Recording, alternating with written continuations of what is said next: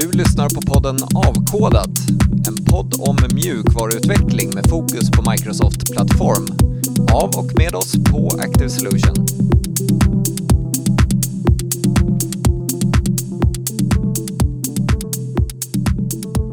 Så varmt välkomna till det här specialavsnittet utav Avkodat som är, eh, vad ska man säga, en liten årsreview eh, eller årsavslutning där vi tänkte fundera lite grann på vad som har hänt under året och man kan väl säga att vi lite grann avslutar året som vi började på varsitt håll. Så att förutom mig, Robert Folkesson, så sitter jag och stirrar in i Teams-fönster. Där eh, har vi Cecilia.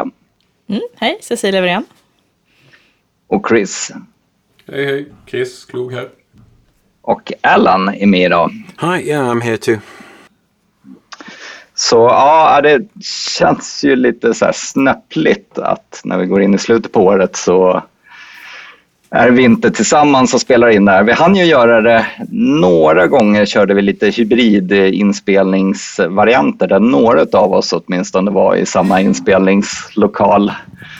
Det var ungefär det vi hann göra. Och, eh, men det har ju hänt en hel del det här året ändå. I, eftersom vi spelar in det här i, innan jul så tänkte jag om jag skulle köra någon så här dålig pappaskämtsvariant med mjuka, softa paket och klappar. Men förmodligen när du lyssnar på det här så är det kanske i mellandagarna eller, eller efter jul. Så jag gör absolut inte det. men, men ska vi... Är, är det bättre med ett pappaskämt om man inte drar det utan bara tänker att säga att man har tänkt att dra pappaskämtet? Nej, jag vet, jag vet inte. Förmodligen inte.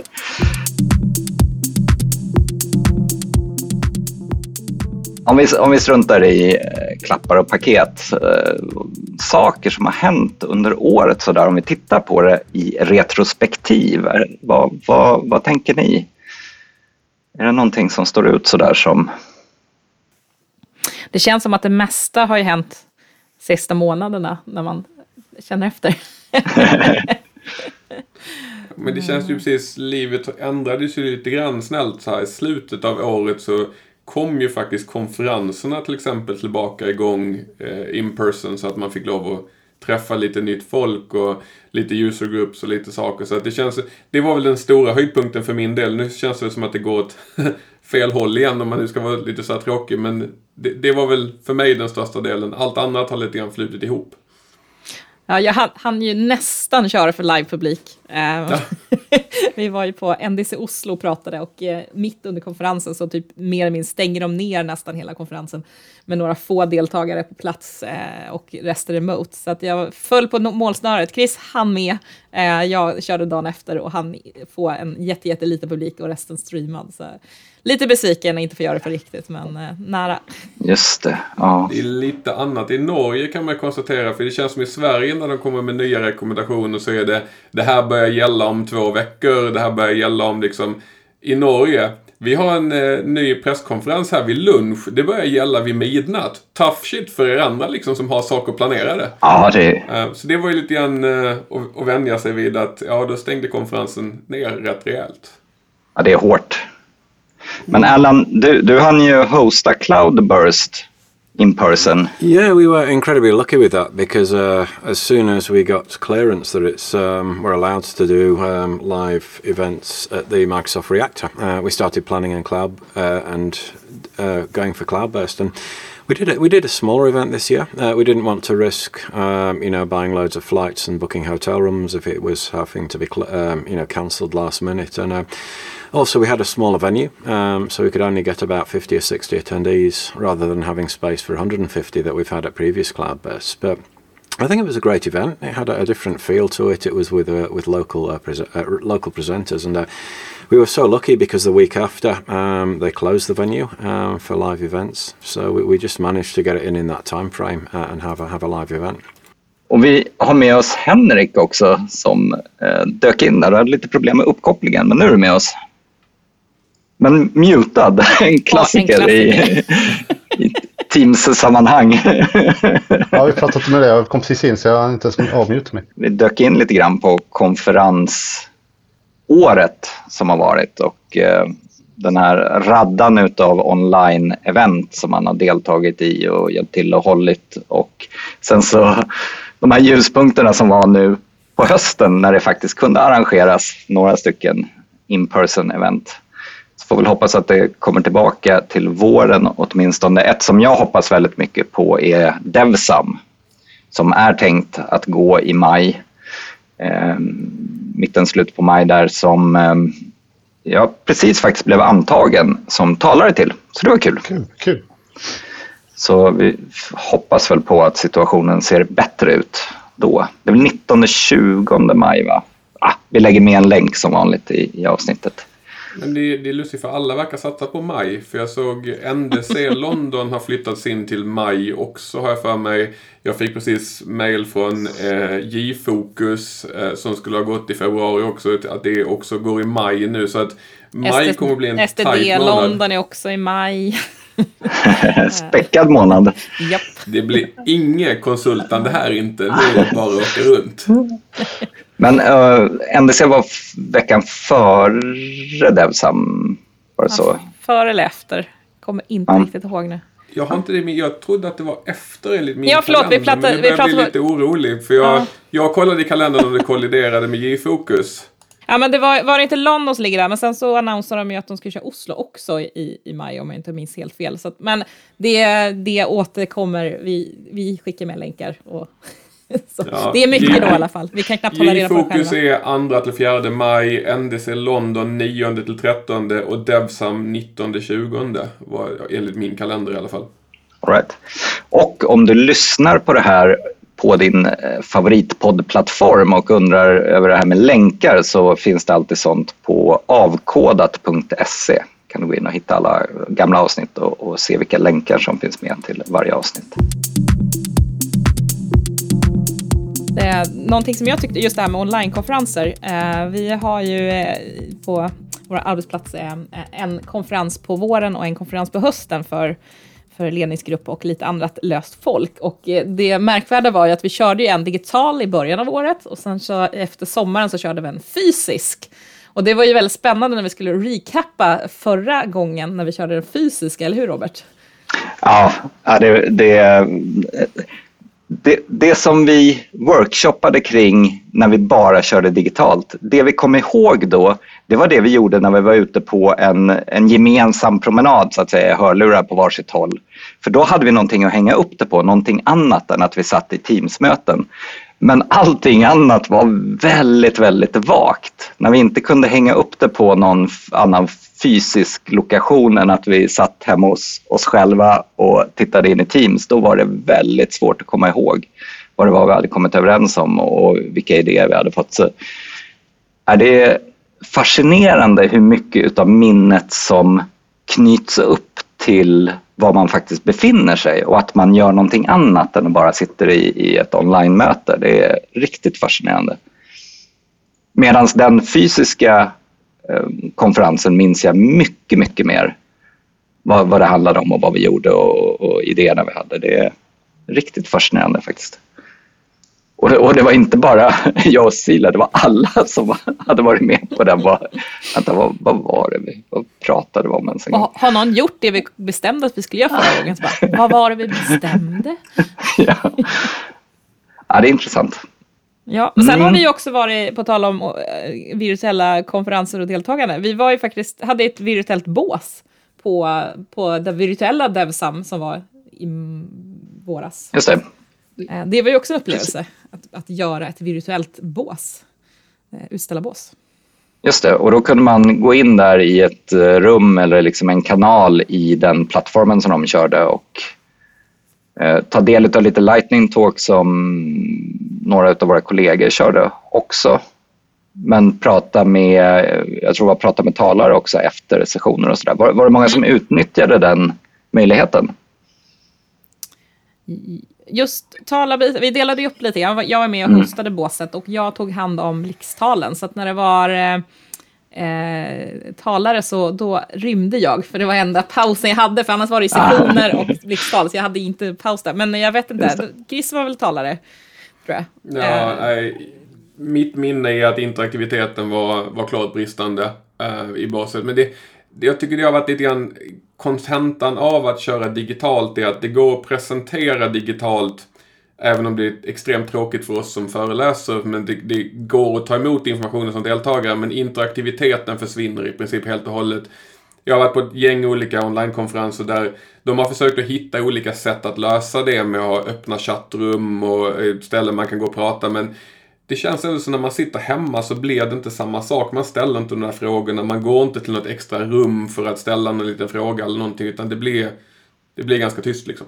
Ja, det är helt klart en, en utmaning att få till det där.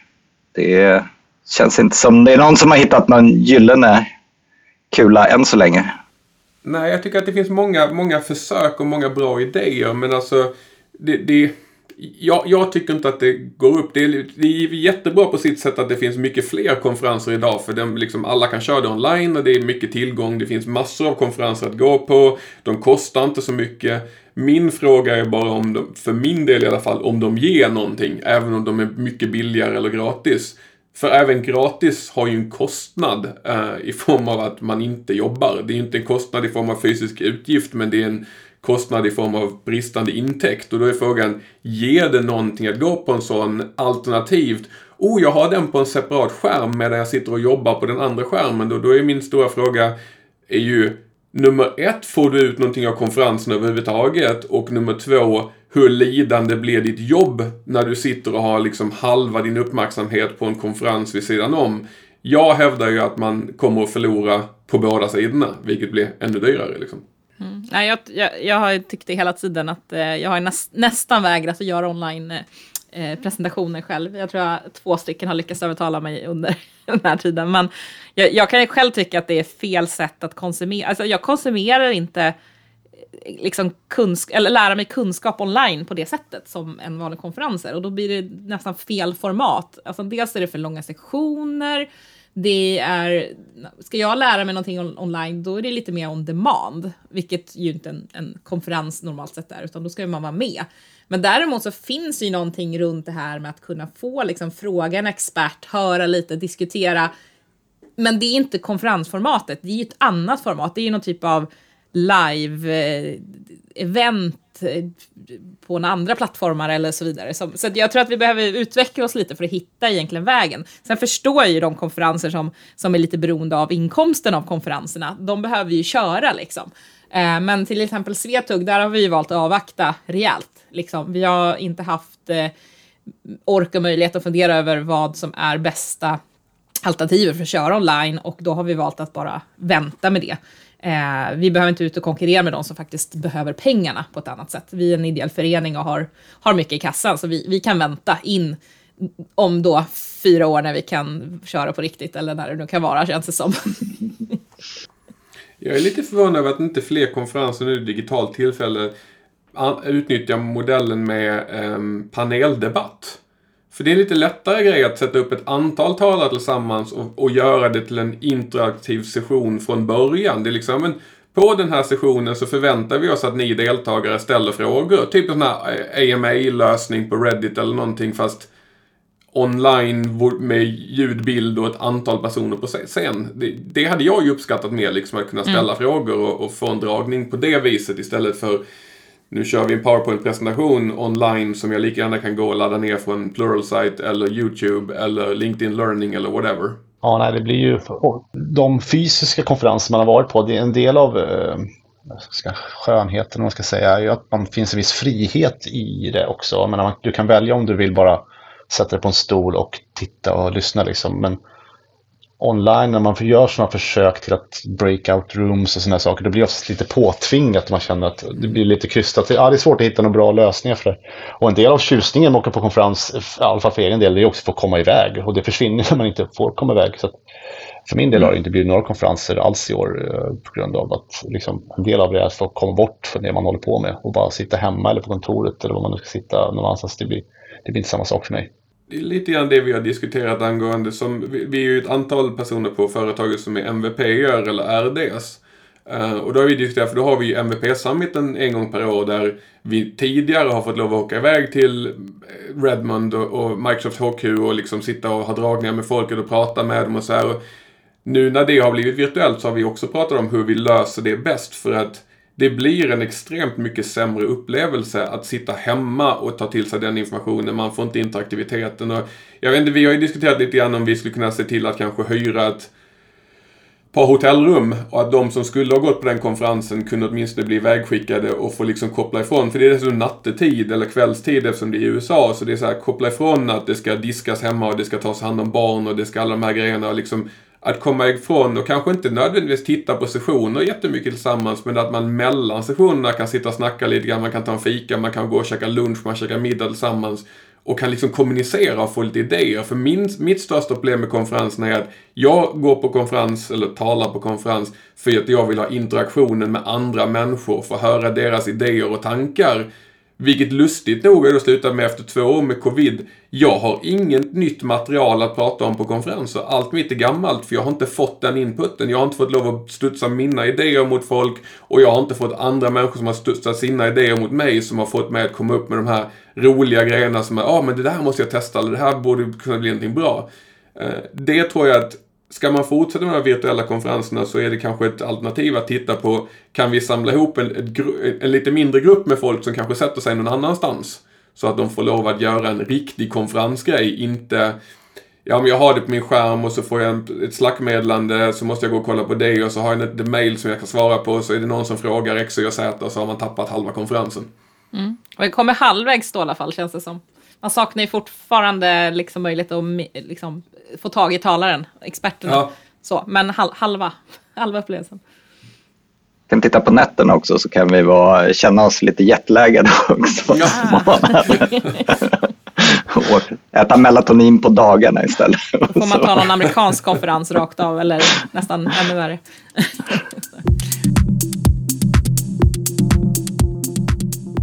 Det har ju hänt lite andra saker under året också och en sak som jag har reflekterat över som egentligen inte är något nytt eh, men som har blivit väldigt tydligt tycker jag det här året det är vilka beroenden det finns i den mjukvaran vi utvecklar till allt möjligt, varav en del visat sig vara eh, beroenden med sårbarheter till exempel. Men inte bara det utan hur mycket utav det vi gör som är beroende utav så väldigt många rörliga delar. Där eh, jag tycker på något vis att det här året ändå har visat det på väldigt många olika sätt. Bland annat naturligtvis via de här stora sårbarheterna som har till exempel eh, Log4net sårbar, eller Log4j sårbarheten och eh, eh men, men även i ännu större nästan så här samhällsperspektiv hur mycket utav världen som hänger ihop. Det finns ju den här intressanta bilden som har skickats runt på sociala medier med det här är världens IT-infrastruktur eller internets infrastruktur och så är det liksom jättestora delar som sitter ihop och så hålls det ihop av någon liten, liten, pytteliten del längst ner som allting vilar på, hela fundamentet vilar på. Som är curl då, brukar många tol tolka det som. Som liksom är no någon, några stycken hängivna eh, contributors som eh, oavlönat sitter och jobbar med på kvällarna. Men jag, jag, jag, tycker att det här, det har verkligen 2021 så har det verkligen ställts på sin spets lite grann. Um, och det är ju svårt att komma ifrån, framförallt när man utvecklar mjukvara, att, att inte vara beroende utav saker och ting. Men vi kanske ska bli lite mer medvetna om det och göra lite mer riskbedömningar utav det vi tar beroenden på. Kan det vara någon slags tanke? Är det inte lite större, större blick av det vi har sagt sen vi började med cloud computing egentligen? Att förvänta er att saker är offline. Förvänta er att saker inte funkar. Förvänta inte att databasen alltid är online för den kanske inte är det. Vi har ju varit väldigt, ja det är lite grann som du säger, vi, har, vi tar för givet att våra dependencies är tillgängliga och de, de finns där. Uh, och det, det, är väl sant att vi måste kanske börja överväga vad händer när saker och ting försvinner. Till en, någon form av rimlig nivå liksom. Mm. Därför att det, det går ju inte att skriva allting själv heller. Det är ju omöjligt. Å andra sidan, eh, i andra änden av spektrumet så har man NPM Install som liksom installerar 20 000 beroenden i en klientapplikation. Bara hälften är kända sårbarheter i statistik. ja. nej, men, nej, men jag håller med dig. Det, är, eh, det känns som att någon slags så här uppvaknande som du säger. Som, ingen kan ju gå in och säga ah, någon företagsledning eller bara nej, vi ska inte ha något beroende, vi ska bygga allt själv, vi ska inte använda det här och det här och det här. Liksom, det går ju inte. Men, men någon slags uppvaknande för, för oss som, som gör det här, att dels kan man begränsa sig, man behöver kanske inte ha allt, det kanske går att bedöma saker och ting. Och, och viss, vissa organisationer har kanske varit mer vikt, duktiga på det här innan, vissa har inte har någon noll koll och de flesta ligger någonstans mitt emellan. Men det känns som, alltså, det, saker som har hänt under året har ju som sagt öppnat upp lite ögonen för att shit, man måste ha koll på sina dependencies, man måste ha koll på sina miljöer, man måste ha koll på vad vi gör och ja, men bara sån sak som nu när, som precis har hänt av log, Log4j, liksom, då är frågan så här, ha Java, ja men det är lugnt, det är vi kör .NET, eller? Eh, och så gräver man lite grann så visar det sig att ja, men vi har några projekt Använder vi Team City någonstans kanske? Ja, precis. Oh, oops. och det är så här, min tanke var okej, okay, men hur tar jag reda på det här? Jag vet några komponenter som, som, som, inte, är, som inte är våra, liksom, som uppenbarligen kan vara något annat under men hur tar jag reda på ens om de har logfonet? Eller om de är Java överhuvudtaget? Bara den liksom tracingen, eh, och, och den visade ju ändå på liksom, när, man, när vi gjorde den tracingen så in, insåg man ju då, okej, okay, vi har ju inte inventerat, vi har ingen aning, men kan man fortfarande, kan man kräva om att när man köper en färdig produkt som ska göra någonting som man installerar, ska man få veta alla yttre beroenden? Eller ska, räcker det att man har en, en, bra, ett bra avtal så man får snabb support på beroenden? Liksom? Eh, det, men som sagt, det väcker mycket frågor. Eh, mer än, än förut. Det var ju bättre förr när man kunde logga in på servern för då visste man ju om det var Java för då poppade den upp den här att du behöver uppdatera Java-grejen. Så det var ju lugnt. Nej, men å andra sidan, jag, om jag nu ska vara lite grinig och gammal gubbe på det där och, och säga ja, fast å andra sidan kommer ni ihåg eh, Pad Left eller Left Pad eller vad den hette i NPM som drog ner hela världen liksom mer eller mindre. Och alla bara oh, nu ska vi ha bättre koll på våra bla bla bla. Vad har hänt efter det? Nada.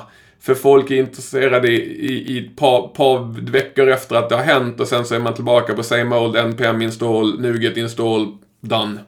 Men jag tänker men ändå, om du liksom tänker på det här som hände med Coop, liksom, på något sätt så, så blev vi alla, hela Sverige, drabbade. Eh, och då kan inte liksom förhoppningsvis så väcker det liksom någonting bland de som kanske inte bara sitter och knackar utan på, även på andra stolar. Eh, och när man pratar om så här, ja ah, visst det där var ganska bra för Coop kunde inte sälja någonting på en vecka. Ja, nej, men det kanske vi bör tänka på. Så att som sagt, awareness på alla nivåer kan jag tänka sig. Självklart, vi blir drabbade liksom oftare så att säga direkt. Vi märker saker på ett annat sätt, men när det även bubblar ut i samhället och så där. Och jag tyckte det var väldigt bra timing från SVT som kom med den här äh, dokumentären hack, Hackad var det några av er som tittar på den? Jag har inte kollat på den än faktiskt. Var den bra? Ja, den är bra. Alltså, jag tror att det kanske inte för oss och, och vår publik så kanske inte var jättemycket nya grejer. Det var lite kul att se saker och ting och beroende på hur insatt man är så finns det självklart. Men jag tycker att det är väldigt bra eh, förhoppningsvis att, att andra tittar på den. Alltså företagsledningar och, och lite sådana grejer och, och liksom vanliga människor som, som kan få lite insikt och, och sådär. Men, men det, det, handlar ju helt enkelt om att de hackar olika, alltså allt från privatpersoner till ett, något litet företag till en, eh, jag tror att det till och med är någon typ av myndighet eller någon, något skyddsobjekt som de ger sig på och ska hacka med, med tillåtelse för, förklara. Och då visar de lite metoder och vad man, ja, vad är det de liksom faller på? För de lyckas ju hacka då, spoiler alert, de lyckas hacka allihopa. eh, och sådär. Och, och Eh, ja, allt från en privatperson som är smarta hem till någon kändis som de ska hacka kontot ifrån och, och sådär. Eh, och liksom vilka, vilka fällor som, som man kan falla i, både som privatperson och företag och lite företag och stort företag. Så väl, väldigt bra. Upp, upp. Jag tittade själv egentligen framför allt för att kunna diskutera det med andra, men, men jag tycker att den är, den är bra gjord. Den är på rätt nivå också för att alla tar till sig. Och rätt i tiden. Min enda tanke med, liksom, och vi, du, vi nämnde Coop, eh, är ju liksom hur mycket har Coop ansvar för att validera sina leverantörers processer liksom? För att det var ju faktiskt inte Coop som blev hackad. Det är ju Nej. en supportleverantör till Coop. Och, och, att de har dåliga processer och dåligt sätt att hantera det och samma lösenord överallt och så vidare och så vidare hur, hur ska vi sköta det som, liksom, om jag går och köper en tjänst av någon så är ju frågan hur jag ska validera om de har skött det, om de roterar certifikat, om de sköter lösenordshantering och så vidare och så vidare. Det är ju inte en helt lätt resurs att titta på liksom. Ja, jag vet, jag har, det är en helt utflippad idé och känns långt ifrån, men eh, vi hade ju lite samma problem med, med liksom personuppgifter och sådana saker. Eh, och liksom någon slags regler och lagar som inte funkade. Då kom man med GDPR. Vi behöver något liknande direktiv om säkerhet, där man tvingar alla att liksom dokumentera processer och ha en ansvarig person, så att man då, när man köper en produkt så kan man, gå fråga, kan man fråga liksom, har ni, har ni, är ni klassade på det här sättet eller följer de här? Vad är dokumenten? Kan jag läsa dem? Vem kan jag prata med? Sen är, som sagt, det går ju aldrig att täcka in allt, men då liksom finns det ändå så att man måste ha tänkt på det. Man måste ha tagit någon typ av dokumentation eller avstamp och liknande. Det skulle jag vilja säga. Yeah. Problemet med det, det, det är ett mångfaldigt problem med den lösningen. Det är faktum att det är en GDPR gäller i EU. Eh, om någon bryter mot det så vet jag inte riktigt var det ska komma om det inte är ett europeiskt land. Det är politiska sanktioner som ska gälla, vilket aldrig kommer hända i en GDPR-grej i min värld om ett, ett bolivianskt bolag gör någonting som sådant.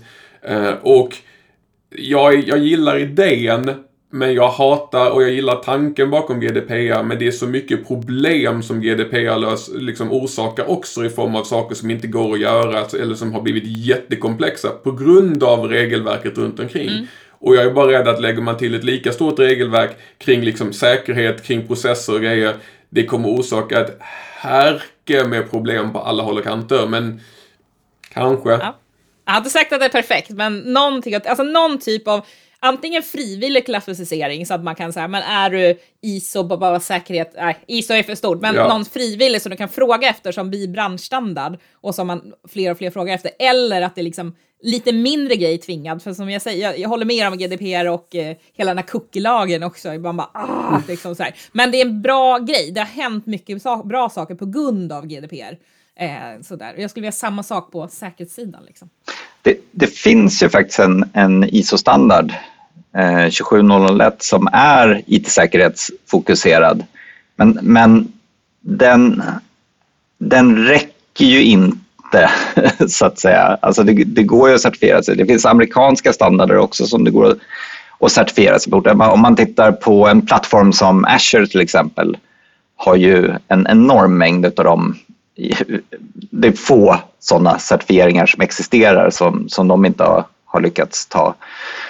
Och det blir väl ändå till slut en fråga om förtroenden hos leverantörer som ändå kan påvisa en sån sak som en ISO-certifiering i alla fall, eller någon, någon av de här andra typerna, eller åtminstone visa på ett väldigt bra sätt hur de lever upp till GDPR och beskriva sin egen Security Development Lifecycle eller sin egen process för incidenthantering. De som det går ändå att göra någon slags granskning av dem och se att de verkar ändå leva upp till det. Jag tror problemet lite innan har varit att man inte ens har gjort det. In, inte ens på den här basala nivån har kollat upp sina leverantörer och se hur, hur pass mycket tilltro är det till dem. Titta, vi behöver en ny leverantör. Titta, det finns en stor leverantör. De har redan ett antal stora kunder done deal, de har redan gjort den kontrollen. Vilket jag ju, om jag ska vara helt ärlig, förstår. Det är liksom om jag går och köper en, en tjänst från någon som redan har stora aktörer, redan har ett underlag och redan finns i liksom sådant. Då tar man ju för givet att någon annan har gjort den kollen sedan tidigare. Mm. Det är ingen lätt, ingen lätt fråga det här. Nej, uh. men det, det som är intressant med just Coop-scenariot är väl att det, ja, det öppnade upp för diskussionen och tankeverksamheten kring hur blev vi hackade eller vad har vi för exposure? Inte bara våra egna prylar utan vad har vi för dependencies som i sin tur kan exposa oss för någonting. Det är väl kanske någonting som jag personligen har missat en del tidigare. Man tittar själv på liksom hur kan jag skriva min egna, våra egna lösningar så att de inte går att hacka? Hur kan vi se till att de inte är öppna för OWASP-prylar och liknande saker? Men det här med liksom tredjepartsleverantörer som är involverade, det är ju en annan grej. Det är ju det är ju rätt många som har driftsbolag för att drifta sina grejer även i Azure liksom med att ja, men vi outsourcar driften av dem till någon annan. det är ju en dependency som man kanske tar för givet att den är okej okay, eftersom de ändå driftar säkra prylar. Men det är ju fortfarande en, en attackvektor liksom. Sen, sen tänker jag mig också att det, alltså det är lätt att säga, ja men vi, vi bygger allt redundant. Här, oh, men om du köper nu ett kassasystem system från någon leverantör, för det var ungefär det de gjorde tror jag, eh, så är det så ja men ska vi ha till kassasystem från en annan leverantör som vi inte mm. använder, som vi kan switcha, alltså det är så här, hur gör vi redundant? Och det, jobbar ju Coop väldigt, väldigt bra med, att de väldigt snabbt, de hade ju liksom jag vet inte om det var bara på betanivå, men de hade ju liksom haft möjlighet att handla genom en app. Eh, helt frikopplat från systemet. Och då skyndade de på utrullningen av den. Så att, eh, det var ju ganska snabbt, eh, genom några dagar eller vad det var, så kunde man liksom använda den här appen i alla butiker istället för bara då de fem butiker eller vad det kan ha varit där de testar den. Eh, och det är ju ett redundant-system. Alltså man behöver inte, redundant behöver inte vara samma system, det är bara att det finns någonting annat sätt att göra det på. Sen om det finns här, ja men du kan inte lägga beställningar, ja, men du kan mejla in beställningar via med det här formuläret. Du kan mejla, alltså mm. att det finns en, en liksom disasterplan, vilket kanske många företag inte heller har. Alltså, men vad gör vi om vårt om Azure går ner här vårt system helt, alltså sitter vi och rullar tummarna eller finns det något sätt att bedriva vår verksamhet vidare? Eh, och det, det är väl också en sån här grej som, som man kan hoppas att några inser att man behöver ha. men eh, ja.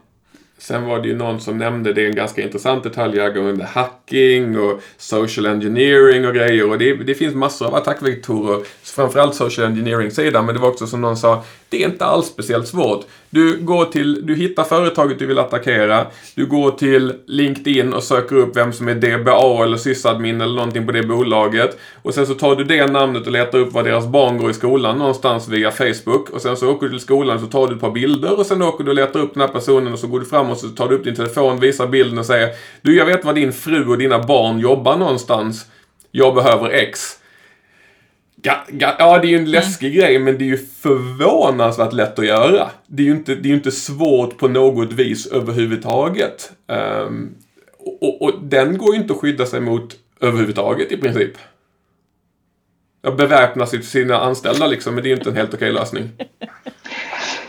Nej, det är svårt och det går ju inte att skydda sig mot allt heller. Det är bara att inse, men, men det här prioriteringsarbetet och, och risk och hotmodelleringen och, och, att, att göra det man kan ändå, det är, väl, det är väl det kanske som fler och fler ändå börjar lära sig tror jag. Det, det är väl något positivt utifrån allt det här som har hänt. Att det har fått fokus och det har fått budget och det, det blir ändå viktigare. Sen, sen skulle väl jag ibland önska att tänk vilken fantastisk fin värld det vore om vi kunde lägga alla de här resurserna på att bygga så bra grejer som möjligt istället. Bara göra så fina features som möjligt. Va? Vilken vacker värld. Men vi är väl inte riktigt där. Det är ganska intressant, vi hade ju någon dragning, eller jag såg en dragning med vad är det han heter, Barry O'Reilly. Eh, mm, om eh, residues eller någonting kallar han det va? Ja, just det. Ö ö överskjutande risk, så att säga. Den, den risken ja. som man inte tänker på som är kvar. The anti-fragile stuff. Ja. Yeah. Och det var liksom intressant för det var ju sätta sig ner, slänga upp alla idéer på alla saker som kan gå fel och hur farliga de är och, och så vidare. Och sen titta på att designa en lösning för att lösa varje problem individuellt. Inte bry sig om alla utan bara ett i taget. Och sen så ser man vilka som får överlapp och vilka som löser sig själva genom att man använder en tidigare lösning och så vidare. Men också att plocka bort begränsningar för vad som är rimligt utan bara slänga upp allt. Och sen så kan vi efterhand konstatera att vi har tänkt på det här men det är inte värt kostnaden eller det är för komplext eller whatever. Men tanken är där och så har ju den här klassiska, vad är det, eh, eldsprutande drakar attackerar ditt företag eller vad det är för någonting som är liksom starten. de äter upp hela din stad. Ah, okay. hur, hur, överlever du det? Ja, men det är lugnt. Datacenter i Sverige ligger inte i Stockholm. Så det Nej. Nej, men det, var ganska, det var ett intressant sätt att göra det på. För det gör att man, det är liksom fritt fram att slänga upp alla tankar och sen så liksom kolla på det och så åtminstone göra ett vettigt beslut. Annars känns det som att man generellt sett tittar på risken och så säger man men den här risken tar vi inte ens upp för den kommer vara omöjlig att lösa eller den kommer vara för dyr. Men då finns den inte dokumenterad heller och ingen förklaring till varför den inte är implementerad. Och man har kanske inte gått igenom och tittat på den kanske hade gått att lösa tillsammans med någonting annat till exempel. Han pratade väl specifikt när jag hörde om, om eh, de, de har ordnat laddningar till elbilar. Och då var det så här, då hade de tittat på vad kan hända vid en laddstation vid elbilar. Och då var det liksom en massa konstiga saker som det som har blivit stort i USA till exempel som är icing, alltså internal combustion engine ing. Det vill säga att folk med stora vanliga bensinbilar eller dieselbilar kör in sin stora pickup och ställer sig på en laddstation och helt enkelt bara stannar där så att ingen annan ska kunna tanka. Det har blivit en a thing liksom. Uh, och det är så att det hade de då löst med kameror och det var kameror de behövde i vilket fall som helst så att det hade löst sig själv. Men alltså, samtidigt så han, det fanns ju saker de aldrig kunde ha kommit på. För en sak som uppstod helt plötsligt var att de jag, jag kände till fogskumsgrejen, att folk helt enkelt går och plockar ut laddhandtaget, sprutar fogskum i kontakten och trycker in handtaget igen så att det låser fast. Och han berättade att i Tyskland så går de och köper köttfärs, liksom 500 gram köttfärs och trycker in i laddhandtaget så att det blir liksom jätteäckligt och grejer så att folk inte ska vilja ladda. Och så man sa, det kunde de ju inte riktigt komma på. Det var ju liksom beyond det... vad de kom på till och med. Men... Det var värre än drakarna liksom. Det kom de inte på i hotmodelleringsworkshopen just Nej, det. men det som var intressant var att de hade då slängt upp en massa saker som hade lett till att de behövde ha kameror och ta betalt på om man stod för länge och sådana saker. Sen kom den här icing-idén och då sa jag, men det är lugnt för det problemet har vi redan löst för vi behövde lösa det för andra saker ändå och så kunde de bara lägga till det. Jag tyckte konceptet var intressant. Jag tycker definitivt man kan ta, ta en titt på hans presentation eller läsa upp lite grann om, om residues och, och hur det funkar. Mm. Han håller på att doktorera nu i eh, residual risk eh, området. Okej. Okay. Cool. han, det är ganska seriöst. Det, ja, det är ganska seriöst. Så det ska bli spännande att läsa hans doktorsavhandling sen. Är det dit vi är på väg nu? Doktorsavhandlingar? Vad, vad hände med Stack Overflow? Kort upvotat svar. Ja. I, I, andra branscher då är det doktorerna som föreläser, bara så du vet. Ja, jo, ja, ja, Men vi kanske inte blir pensionärer innan vi behöver oroa oss för det. Nej, men det är ju bara tillbaka till det vi har sagt många gånger tidigare när jag pratar med folk att vi borde sluta använda ingenjörs, eh, liksom engineering terms när vi pratar om vår mjukvaruutveckling. Att man är arkitekt och vi är ingenjörer och grejer. För att Förlåt, men det är vi inte. För alla de branscherna som har ingenjörer och arkitekter har standardiserade saker. De har standarder som måste följas. De har utbildningar man måste ha. Man måste vara certifierad för att få lov att göra saker. Det finns vedertagna grejer som måste utföras och så vidare. Vi lever i en sandlåda i dagsläget. Eh, och borde inte kalla oss för ingenjörer utan Hantverk är väl lite bättre analogi. There's a thing about that a few years ago where like people who emptied the bins were called refuse disposal engineers. Yeah. And uh, in Germany, I think there's a rule that you can't have engineer in your job title unless you've got an engineering degree. Um, I just managed to scrape an engineering degree, so I could be an engineer if I wanted to. but um, you do learn learn more in the engineering background, like um, Mark Sims was doing a presentation on troubleshooting Azure stuff, and he's got an electronics degree like me, electronic engineering. And he talked about resonance in autoscaling. How because engineers kind of think of, uh, of resonance and you know the thing with the Tacoma's Narrows Bridge and, and the wind residence and the same thing can happen with autoscaling uh, in that under a constant load you can scale up and scale down the whole time which um, which isn't inefficient. So I think engineers, if you've been through that whole discipline of uh, doing the whole engineer thing, you do get a different perspective and you can apply that to developing software as well. Och jag tror att ingenjör är skyddad, det är en skyddad titel även i Sverige. Så att, men visst, det missbrukas kanske mer här än vad jag gör i Tyskland. Men, men, det är bara om man bara liksom tittar på det, för jag har också liksom en ingenjörsbakgrund. Jag är in, inte färdigutbildad men har ändå beräknat betongbalkar och, och last, last, laster för olika saker och då inser man att i den världen så finns det väldigt tydliga kravspesar som säger att för ett, ett golv i ett bostadsområde med de här förutsättningarna så måste de tåla den här maxvikten med en säkerhetsnivå eh, eh, eh på gånger två och en halv eller whatever. Som är liksom, det här är det vi måste följa. I vår bransch är det lite grann så här, jaha, vi behöver lösa ett problem. Jag vet inte, jag läste en artikel förra veckan. Låt oss testa. Uh, jag säger inte att det är dåligt, jag säger bara att vi är, vi är inte riktigt där ännu. It's lucky we don't build stadiums that uh, they would collapse under stress. Yep. Mm. Det, det, går väl lite snabbare kanske i utvecklingen ändå i, i våran värld kanske än vad gäller bygg, byggmaterial. Men, det ska men de, fan lika länge. men de, de är ju, det kan vi trösta oss med, att de är ju ungefär lika bra att hålla budgetar och tidplaner som vi är. Det är, det är faktiskt ingen större skillnad. Så du menar att den, den, delen vi har tagit från ingenjörsvärlden är den delen som de är riktigt jävla dåliga på. Det har vi plockat upp. Men de andra delarna med standardisering och liksom hitta sätt att göra det på, de, de struntar vi i. Nej, precis.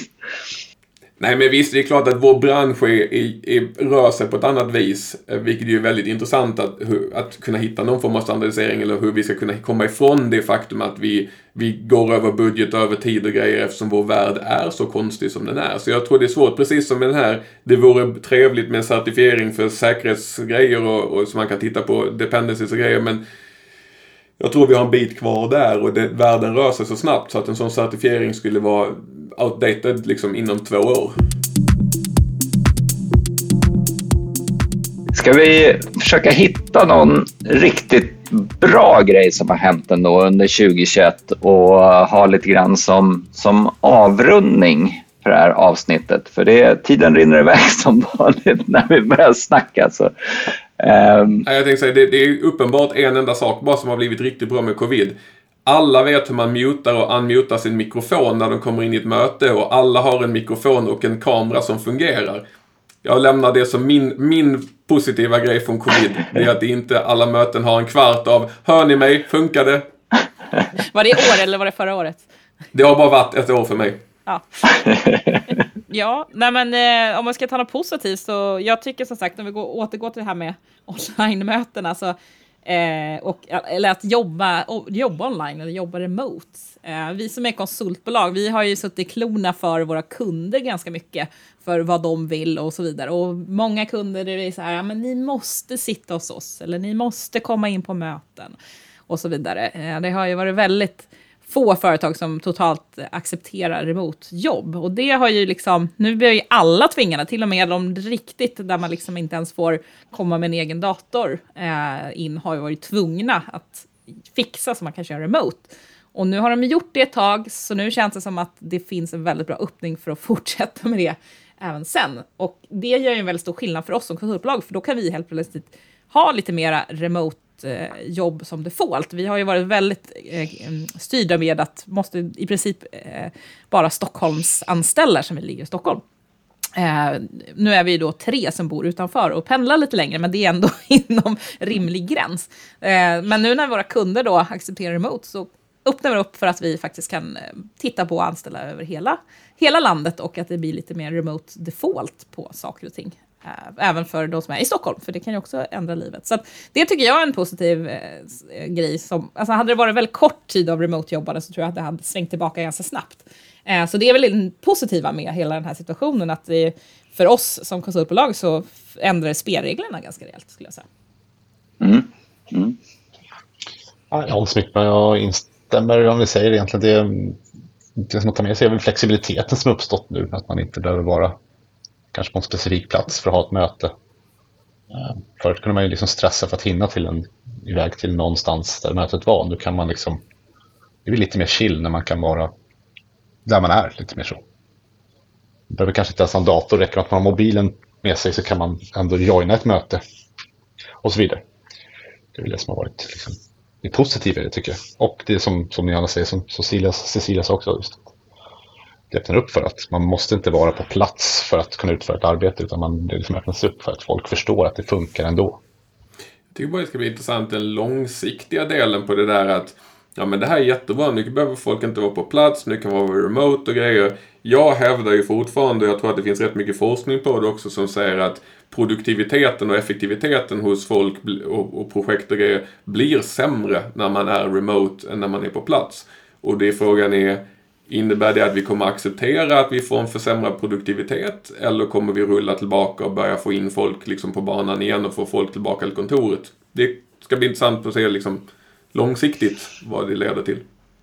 Jag, jag tror att det är vissa aspekter på produktivitet och effektivitet som blir sämre, men andra är, kan, kan nog till och med bli bättre. Jag tror det helt beror på vilken typ av Eh, jobb där. Fra, framförallt sånt som handlar om lite mer kreativt workshoppande där man har kunnat stått vid en tavla och rita eller där det krävs mycket interaktivitet. Där, det tror jag vi lider utav. Men vissa typer utav uppgifter där, det där, där man kan kapa det här avbrottet i fokus av att behöva resa någonstans och man kan fokusera och man kan sitta i fyra timmar i, på sin kammare och göra klart någonting. Eller kanske eh, sitta i en eh, huddle på Slack tillsammans med någon och, och göra klart det. Där, där, min gissning är att den typen av arbetsuppgifter gör vi minst lika effektivt som, som tidigare, om inte mer effektivt. Men, men jag tror också att det det är en del saker som blir lidande, helt klart. Det är bara lustigt för det är ju, jag, jag håller delvis med. Jag tror att de här hyperfokusdelarna när man kan stänga in sig någonstans i ett, i ett rum och, och, lösa sin uppgift, de, de kommer man ju ha ökad produktivitet. Om man inte, jag råkar ju veta att det finns en hel del människor som har barn och husdjur och det ena med det andra som liksom tar uppmärksamhet också. Mm. Men, men det är lite lustigt hur vi har gått ifrån att kommunikation är A och O och det absolut viktigaste vi kan. Vi ska ha våra kunder, product owners ska vara närvarande på kontoret och de ska vara tillgängliga. Vi kan ställa frågor direkt och grejer. Till men det här är jättebra, vi kan stänga in oss i vårt eget rum och inte bli störda så kommer vi vara mycket mer produktiva. uh, jag, jag, jag, tror att det finns någon, som du säger, båda sidor av myntet utan tvekan. Uh, och sen kanske vi hittar sätt att få bättre kommunikation, liksom hitta ett annat sätt att kommunicera. Jag tror när Huddle-idén på, på Slack, liksom att kunna ha ett team närvarande på Huddle är, är kanske ett intressant grej. Jag sitter ju med Cecilia väldigt liksom i dagarna mm. ända med en Huddle och diskuterar och parprogrammerar på ett annat sätt än jag gjorde tidigare. Mm. Uh, men vilket, det, vilket är mycket lättare när man sitter framför varsin dator än när man parprogrammerar ja. framför samma, jag, samma, dator. Ska jag säga. Och jag, jag, tycker det fungerar till och med när man inte parprogrammerar utan när man sitter med två helt olika saker och bara kunna höra den andra jobba lite grann och slänga ur sig någon fråga lite då och då. Lite som på kontoret menar du? Ja, precis. Men att jobba, jobba ändå parallellt på, på saker och ting. Men... Med tanke på att jag blandar mig allting på kontoret så kanske jag ska ha en huddle där folk kan komma in och bara sitta så kan jag komma och störa dem lite av och till. Nej, men jag, ja. tror, jag tror som vi har pratat om eh, offline också, någon slags medelväg där man kanske är inne på kontoret en dag i veckan. Man är ute hos kunden någon dag, någon dag i veckan. Så man ändå har mm. liksom fasta punkter och att man synkar sig då med kunden så att kunden också har sina anställda. För de kommer ju också säkert vilja jobba mera mera hemifrån, men att liksom, måndagar är kontorsdagen, då kommer alla in och då sparar man sina så små frågor till då, eller gör den här svåra saken tillsammans med med kunden då, så kan vi se om de får eh, reaktionerna direkt och sådär. Um, nu, just på sekunden nu med vi in avsnittet så är det ju rekommenderat att jobba helt och hållet hemma igen, men som sagt, när, när det liksom släpper och man kan välja lite som man vill så, så ser jag definitivt framför mig det. Och då funkar det även när man, när man bor längre bort ifrån stället där kunderna eller kontoret finns, för att då kan man Eh, alltså man, istället för att veckopendla så, så endagsveckopendlar eller vad det blir för konstigt begrepp över det hela. Så man, man åker in liksom en eller två dagar till där kontoret slash kunderna finns och sen så är man med resten av dagen sitter man hemma. Liksom. Um, så. Men eh, det är ju intressant att se också var, för det är, inte, det är antagligen inte bara vårt företag som kommer på det här att nu kan vi anställa från hela Sverige fast vi är i Stockholm eller liknande eh, hur löneutveckling kommer att bli. Eh, det är allmänt känt att lön, Stockholmslöner är högre än de i resten av landet. Kommer deras att höja till Stockholmslöner eller kommer våra Stockholmslöner plattas ut till resten av landet? Att det kommer bli mer jämfördelning vad, vad en, en utvecklare har lönemässigt. Det blir ju spännande att se. Det kommer säkert ta många år innan man ser någon trend på det, men det blir spännande. Jag vet inte om det kommer, jag, jag har en liten så här framtidsgissning att det inte kommer att göra någon jätteskillnad. Eh, för jag tror att om du är ett Stockholmsbolag och anställer någon ute i landet så kommer du betala dem annat än vad du gör dina Stockholmsanställda. Det är bara att titta på, jag pratar med folk som jobbar på stora, stora företag i, i, USA som har folk utspridda i hela USA. Deras löner varierar vilt beroende på var personen i fråga bor och, och jobbar någonstans eftersom Vissa delar av landet är ofantligt mycket dyrare. Det är mycket, du måste betala en helt annan lön för någon som bor i San Francisco än du gör för någon som bor i Nowhereville i, i någonstans mitt i landet liksom. Och jag tror nog att vi kommer ha den fördelningen lite grann i Sverige också. För annars kan jag säga att det är det blir det Stockholmslöner var man än bor i Sverige någonstans så kommer inte jag sitta klar, kvar i Sverige. Då kommer jag jobba remote på Active men sitta någonstans där min kostnad är mycket, mycket mindre. Uh, för det är ju, jag kan ju bo och leva mycket billigare om jag förflyttar mig från Stockholm. Yeah, I think a lot of people have been doing that in the US, especially if you you've got a rental and you haven't got um, like you haven't bought a place. It's um, you know, it's easy to uh, to move somewhere else, even if it is for six months or two years with with the COVID, and you save an absolute absolute fortune in rent, and um, you, you can be somewhere else working if, you, if you're not going to be going in the office. One of my friends did that. He got a job down in um, California somewhere, and they ended up renting a house in California just before COVID kicked in. And um, he very rarely went into the office, so he just basically stopped renting that place and went back up to Seattle, where he had his uh, his regular house that he was renting out, and uh, he's based back there again now. Fast det känns ju som att det var ju trevligare att bo på det första stället. Mm. jag hade väl hellre bott i Florida, tror jag. no, it's California. I prefer to live in Seattle, I think, than, uh, California. Than California. Ja, lite varmare, tänker jag. Mm. All right. Ska, ska vi ta och runda av? Jag, jag tänkte bara ta upp en liten sak. En um, mer teknisk sak som, som har hänt i år som jag tycker är väldigt rolig och som påverkar oss en del. Det är ju att Azure Datacentret har öppnat i Sverige. Det tycker jag är en riktigt bra grej och eh, också med tanke på att Microsoft har satsat så enormt mycket på hållbarhet och eh, effektiv drift och eh, som den, den bästa, ja, det, det mest hållbara datacentret som egentligen har byggts hittills i förmodligen någonstans i världen är byggt i Sverige. Det tycker jag är väldigt spännande och kul. Och att de flesta tjänster snart kommer att finnas där också så vi kan börja bygga grejer i det. Mm. Jag försökte använda det till lite labbar häromdagen. Det, det gick inte så bra eftersom att det fattades en del tjänster. Men Nej, det är de kommer, fortfarande de så att början på nästa år någon gång, eh, februari någonstans, så ska väl eh, i princip alla de här fundamental services som vi behöver finnas på plats. Yeah, I was spinning up a few things um, last week on on the course. Um, it was good for the students to be able to see that now there is um, a Swedish region and uh, you can deploy stuff there. And uh, it worked fine uh, with the virtual. I think virtual machines and storage I was using. Mm. Not not much else, but there was uh, some stuff that you can uh, you can you can provision there, which is uh, really good to see. Då behöver vi bara bygga ut ett par, par eh, sköna kärnkraftverk också så att vi kan få lite el i det här landet. För de där datacenterna är inte direkt snåliga i sin elkonsumtion. Nu vet jag, absolut, nya datacenter samarbetar med Vattenfall och får Vattenfall producera el per sekund baserat på vad som behövs och så vidare. I know, I know, jag behöver inte höra det. Men vi behöver mer el, I'm just saying framförallt i södra Sverige. Det är ju lite ja. kraftöverföringen där som är problemet också. Framförallt nu. Ja. All right. Ska vi låta de upplyftande orden vara, vara vår, vår eh, avrundning på vår eh, lilla årskrönika? Och eh, ska vi kosta på oss önskar önska dig som har lyssnat på det här avsnittet ett eh, riktigt gott nytt år. Så hoppas jag att vi hörs framåt nästa år igen.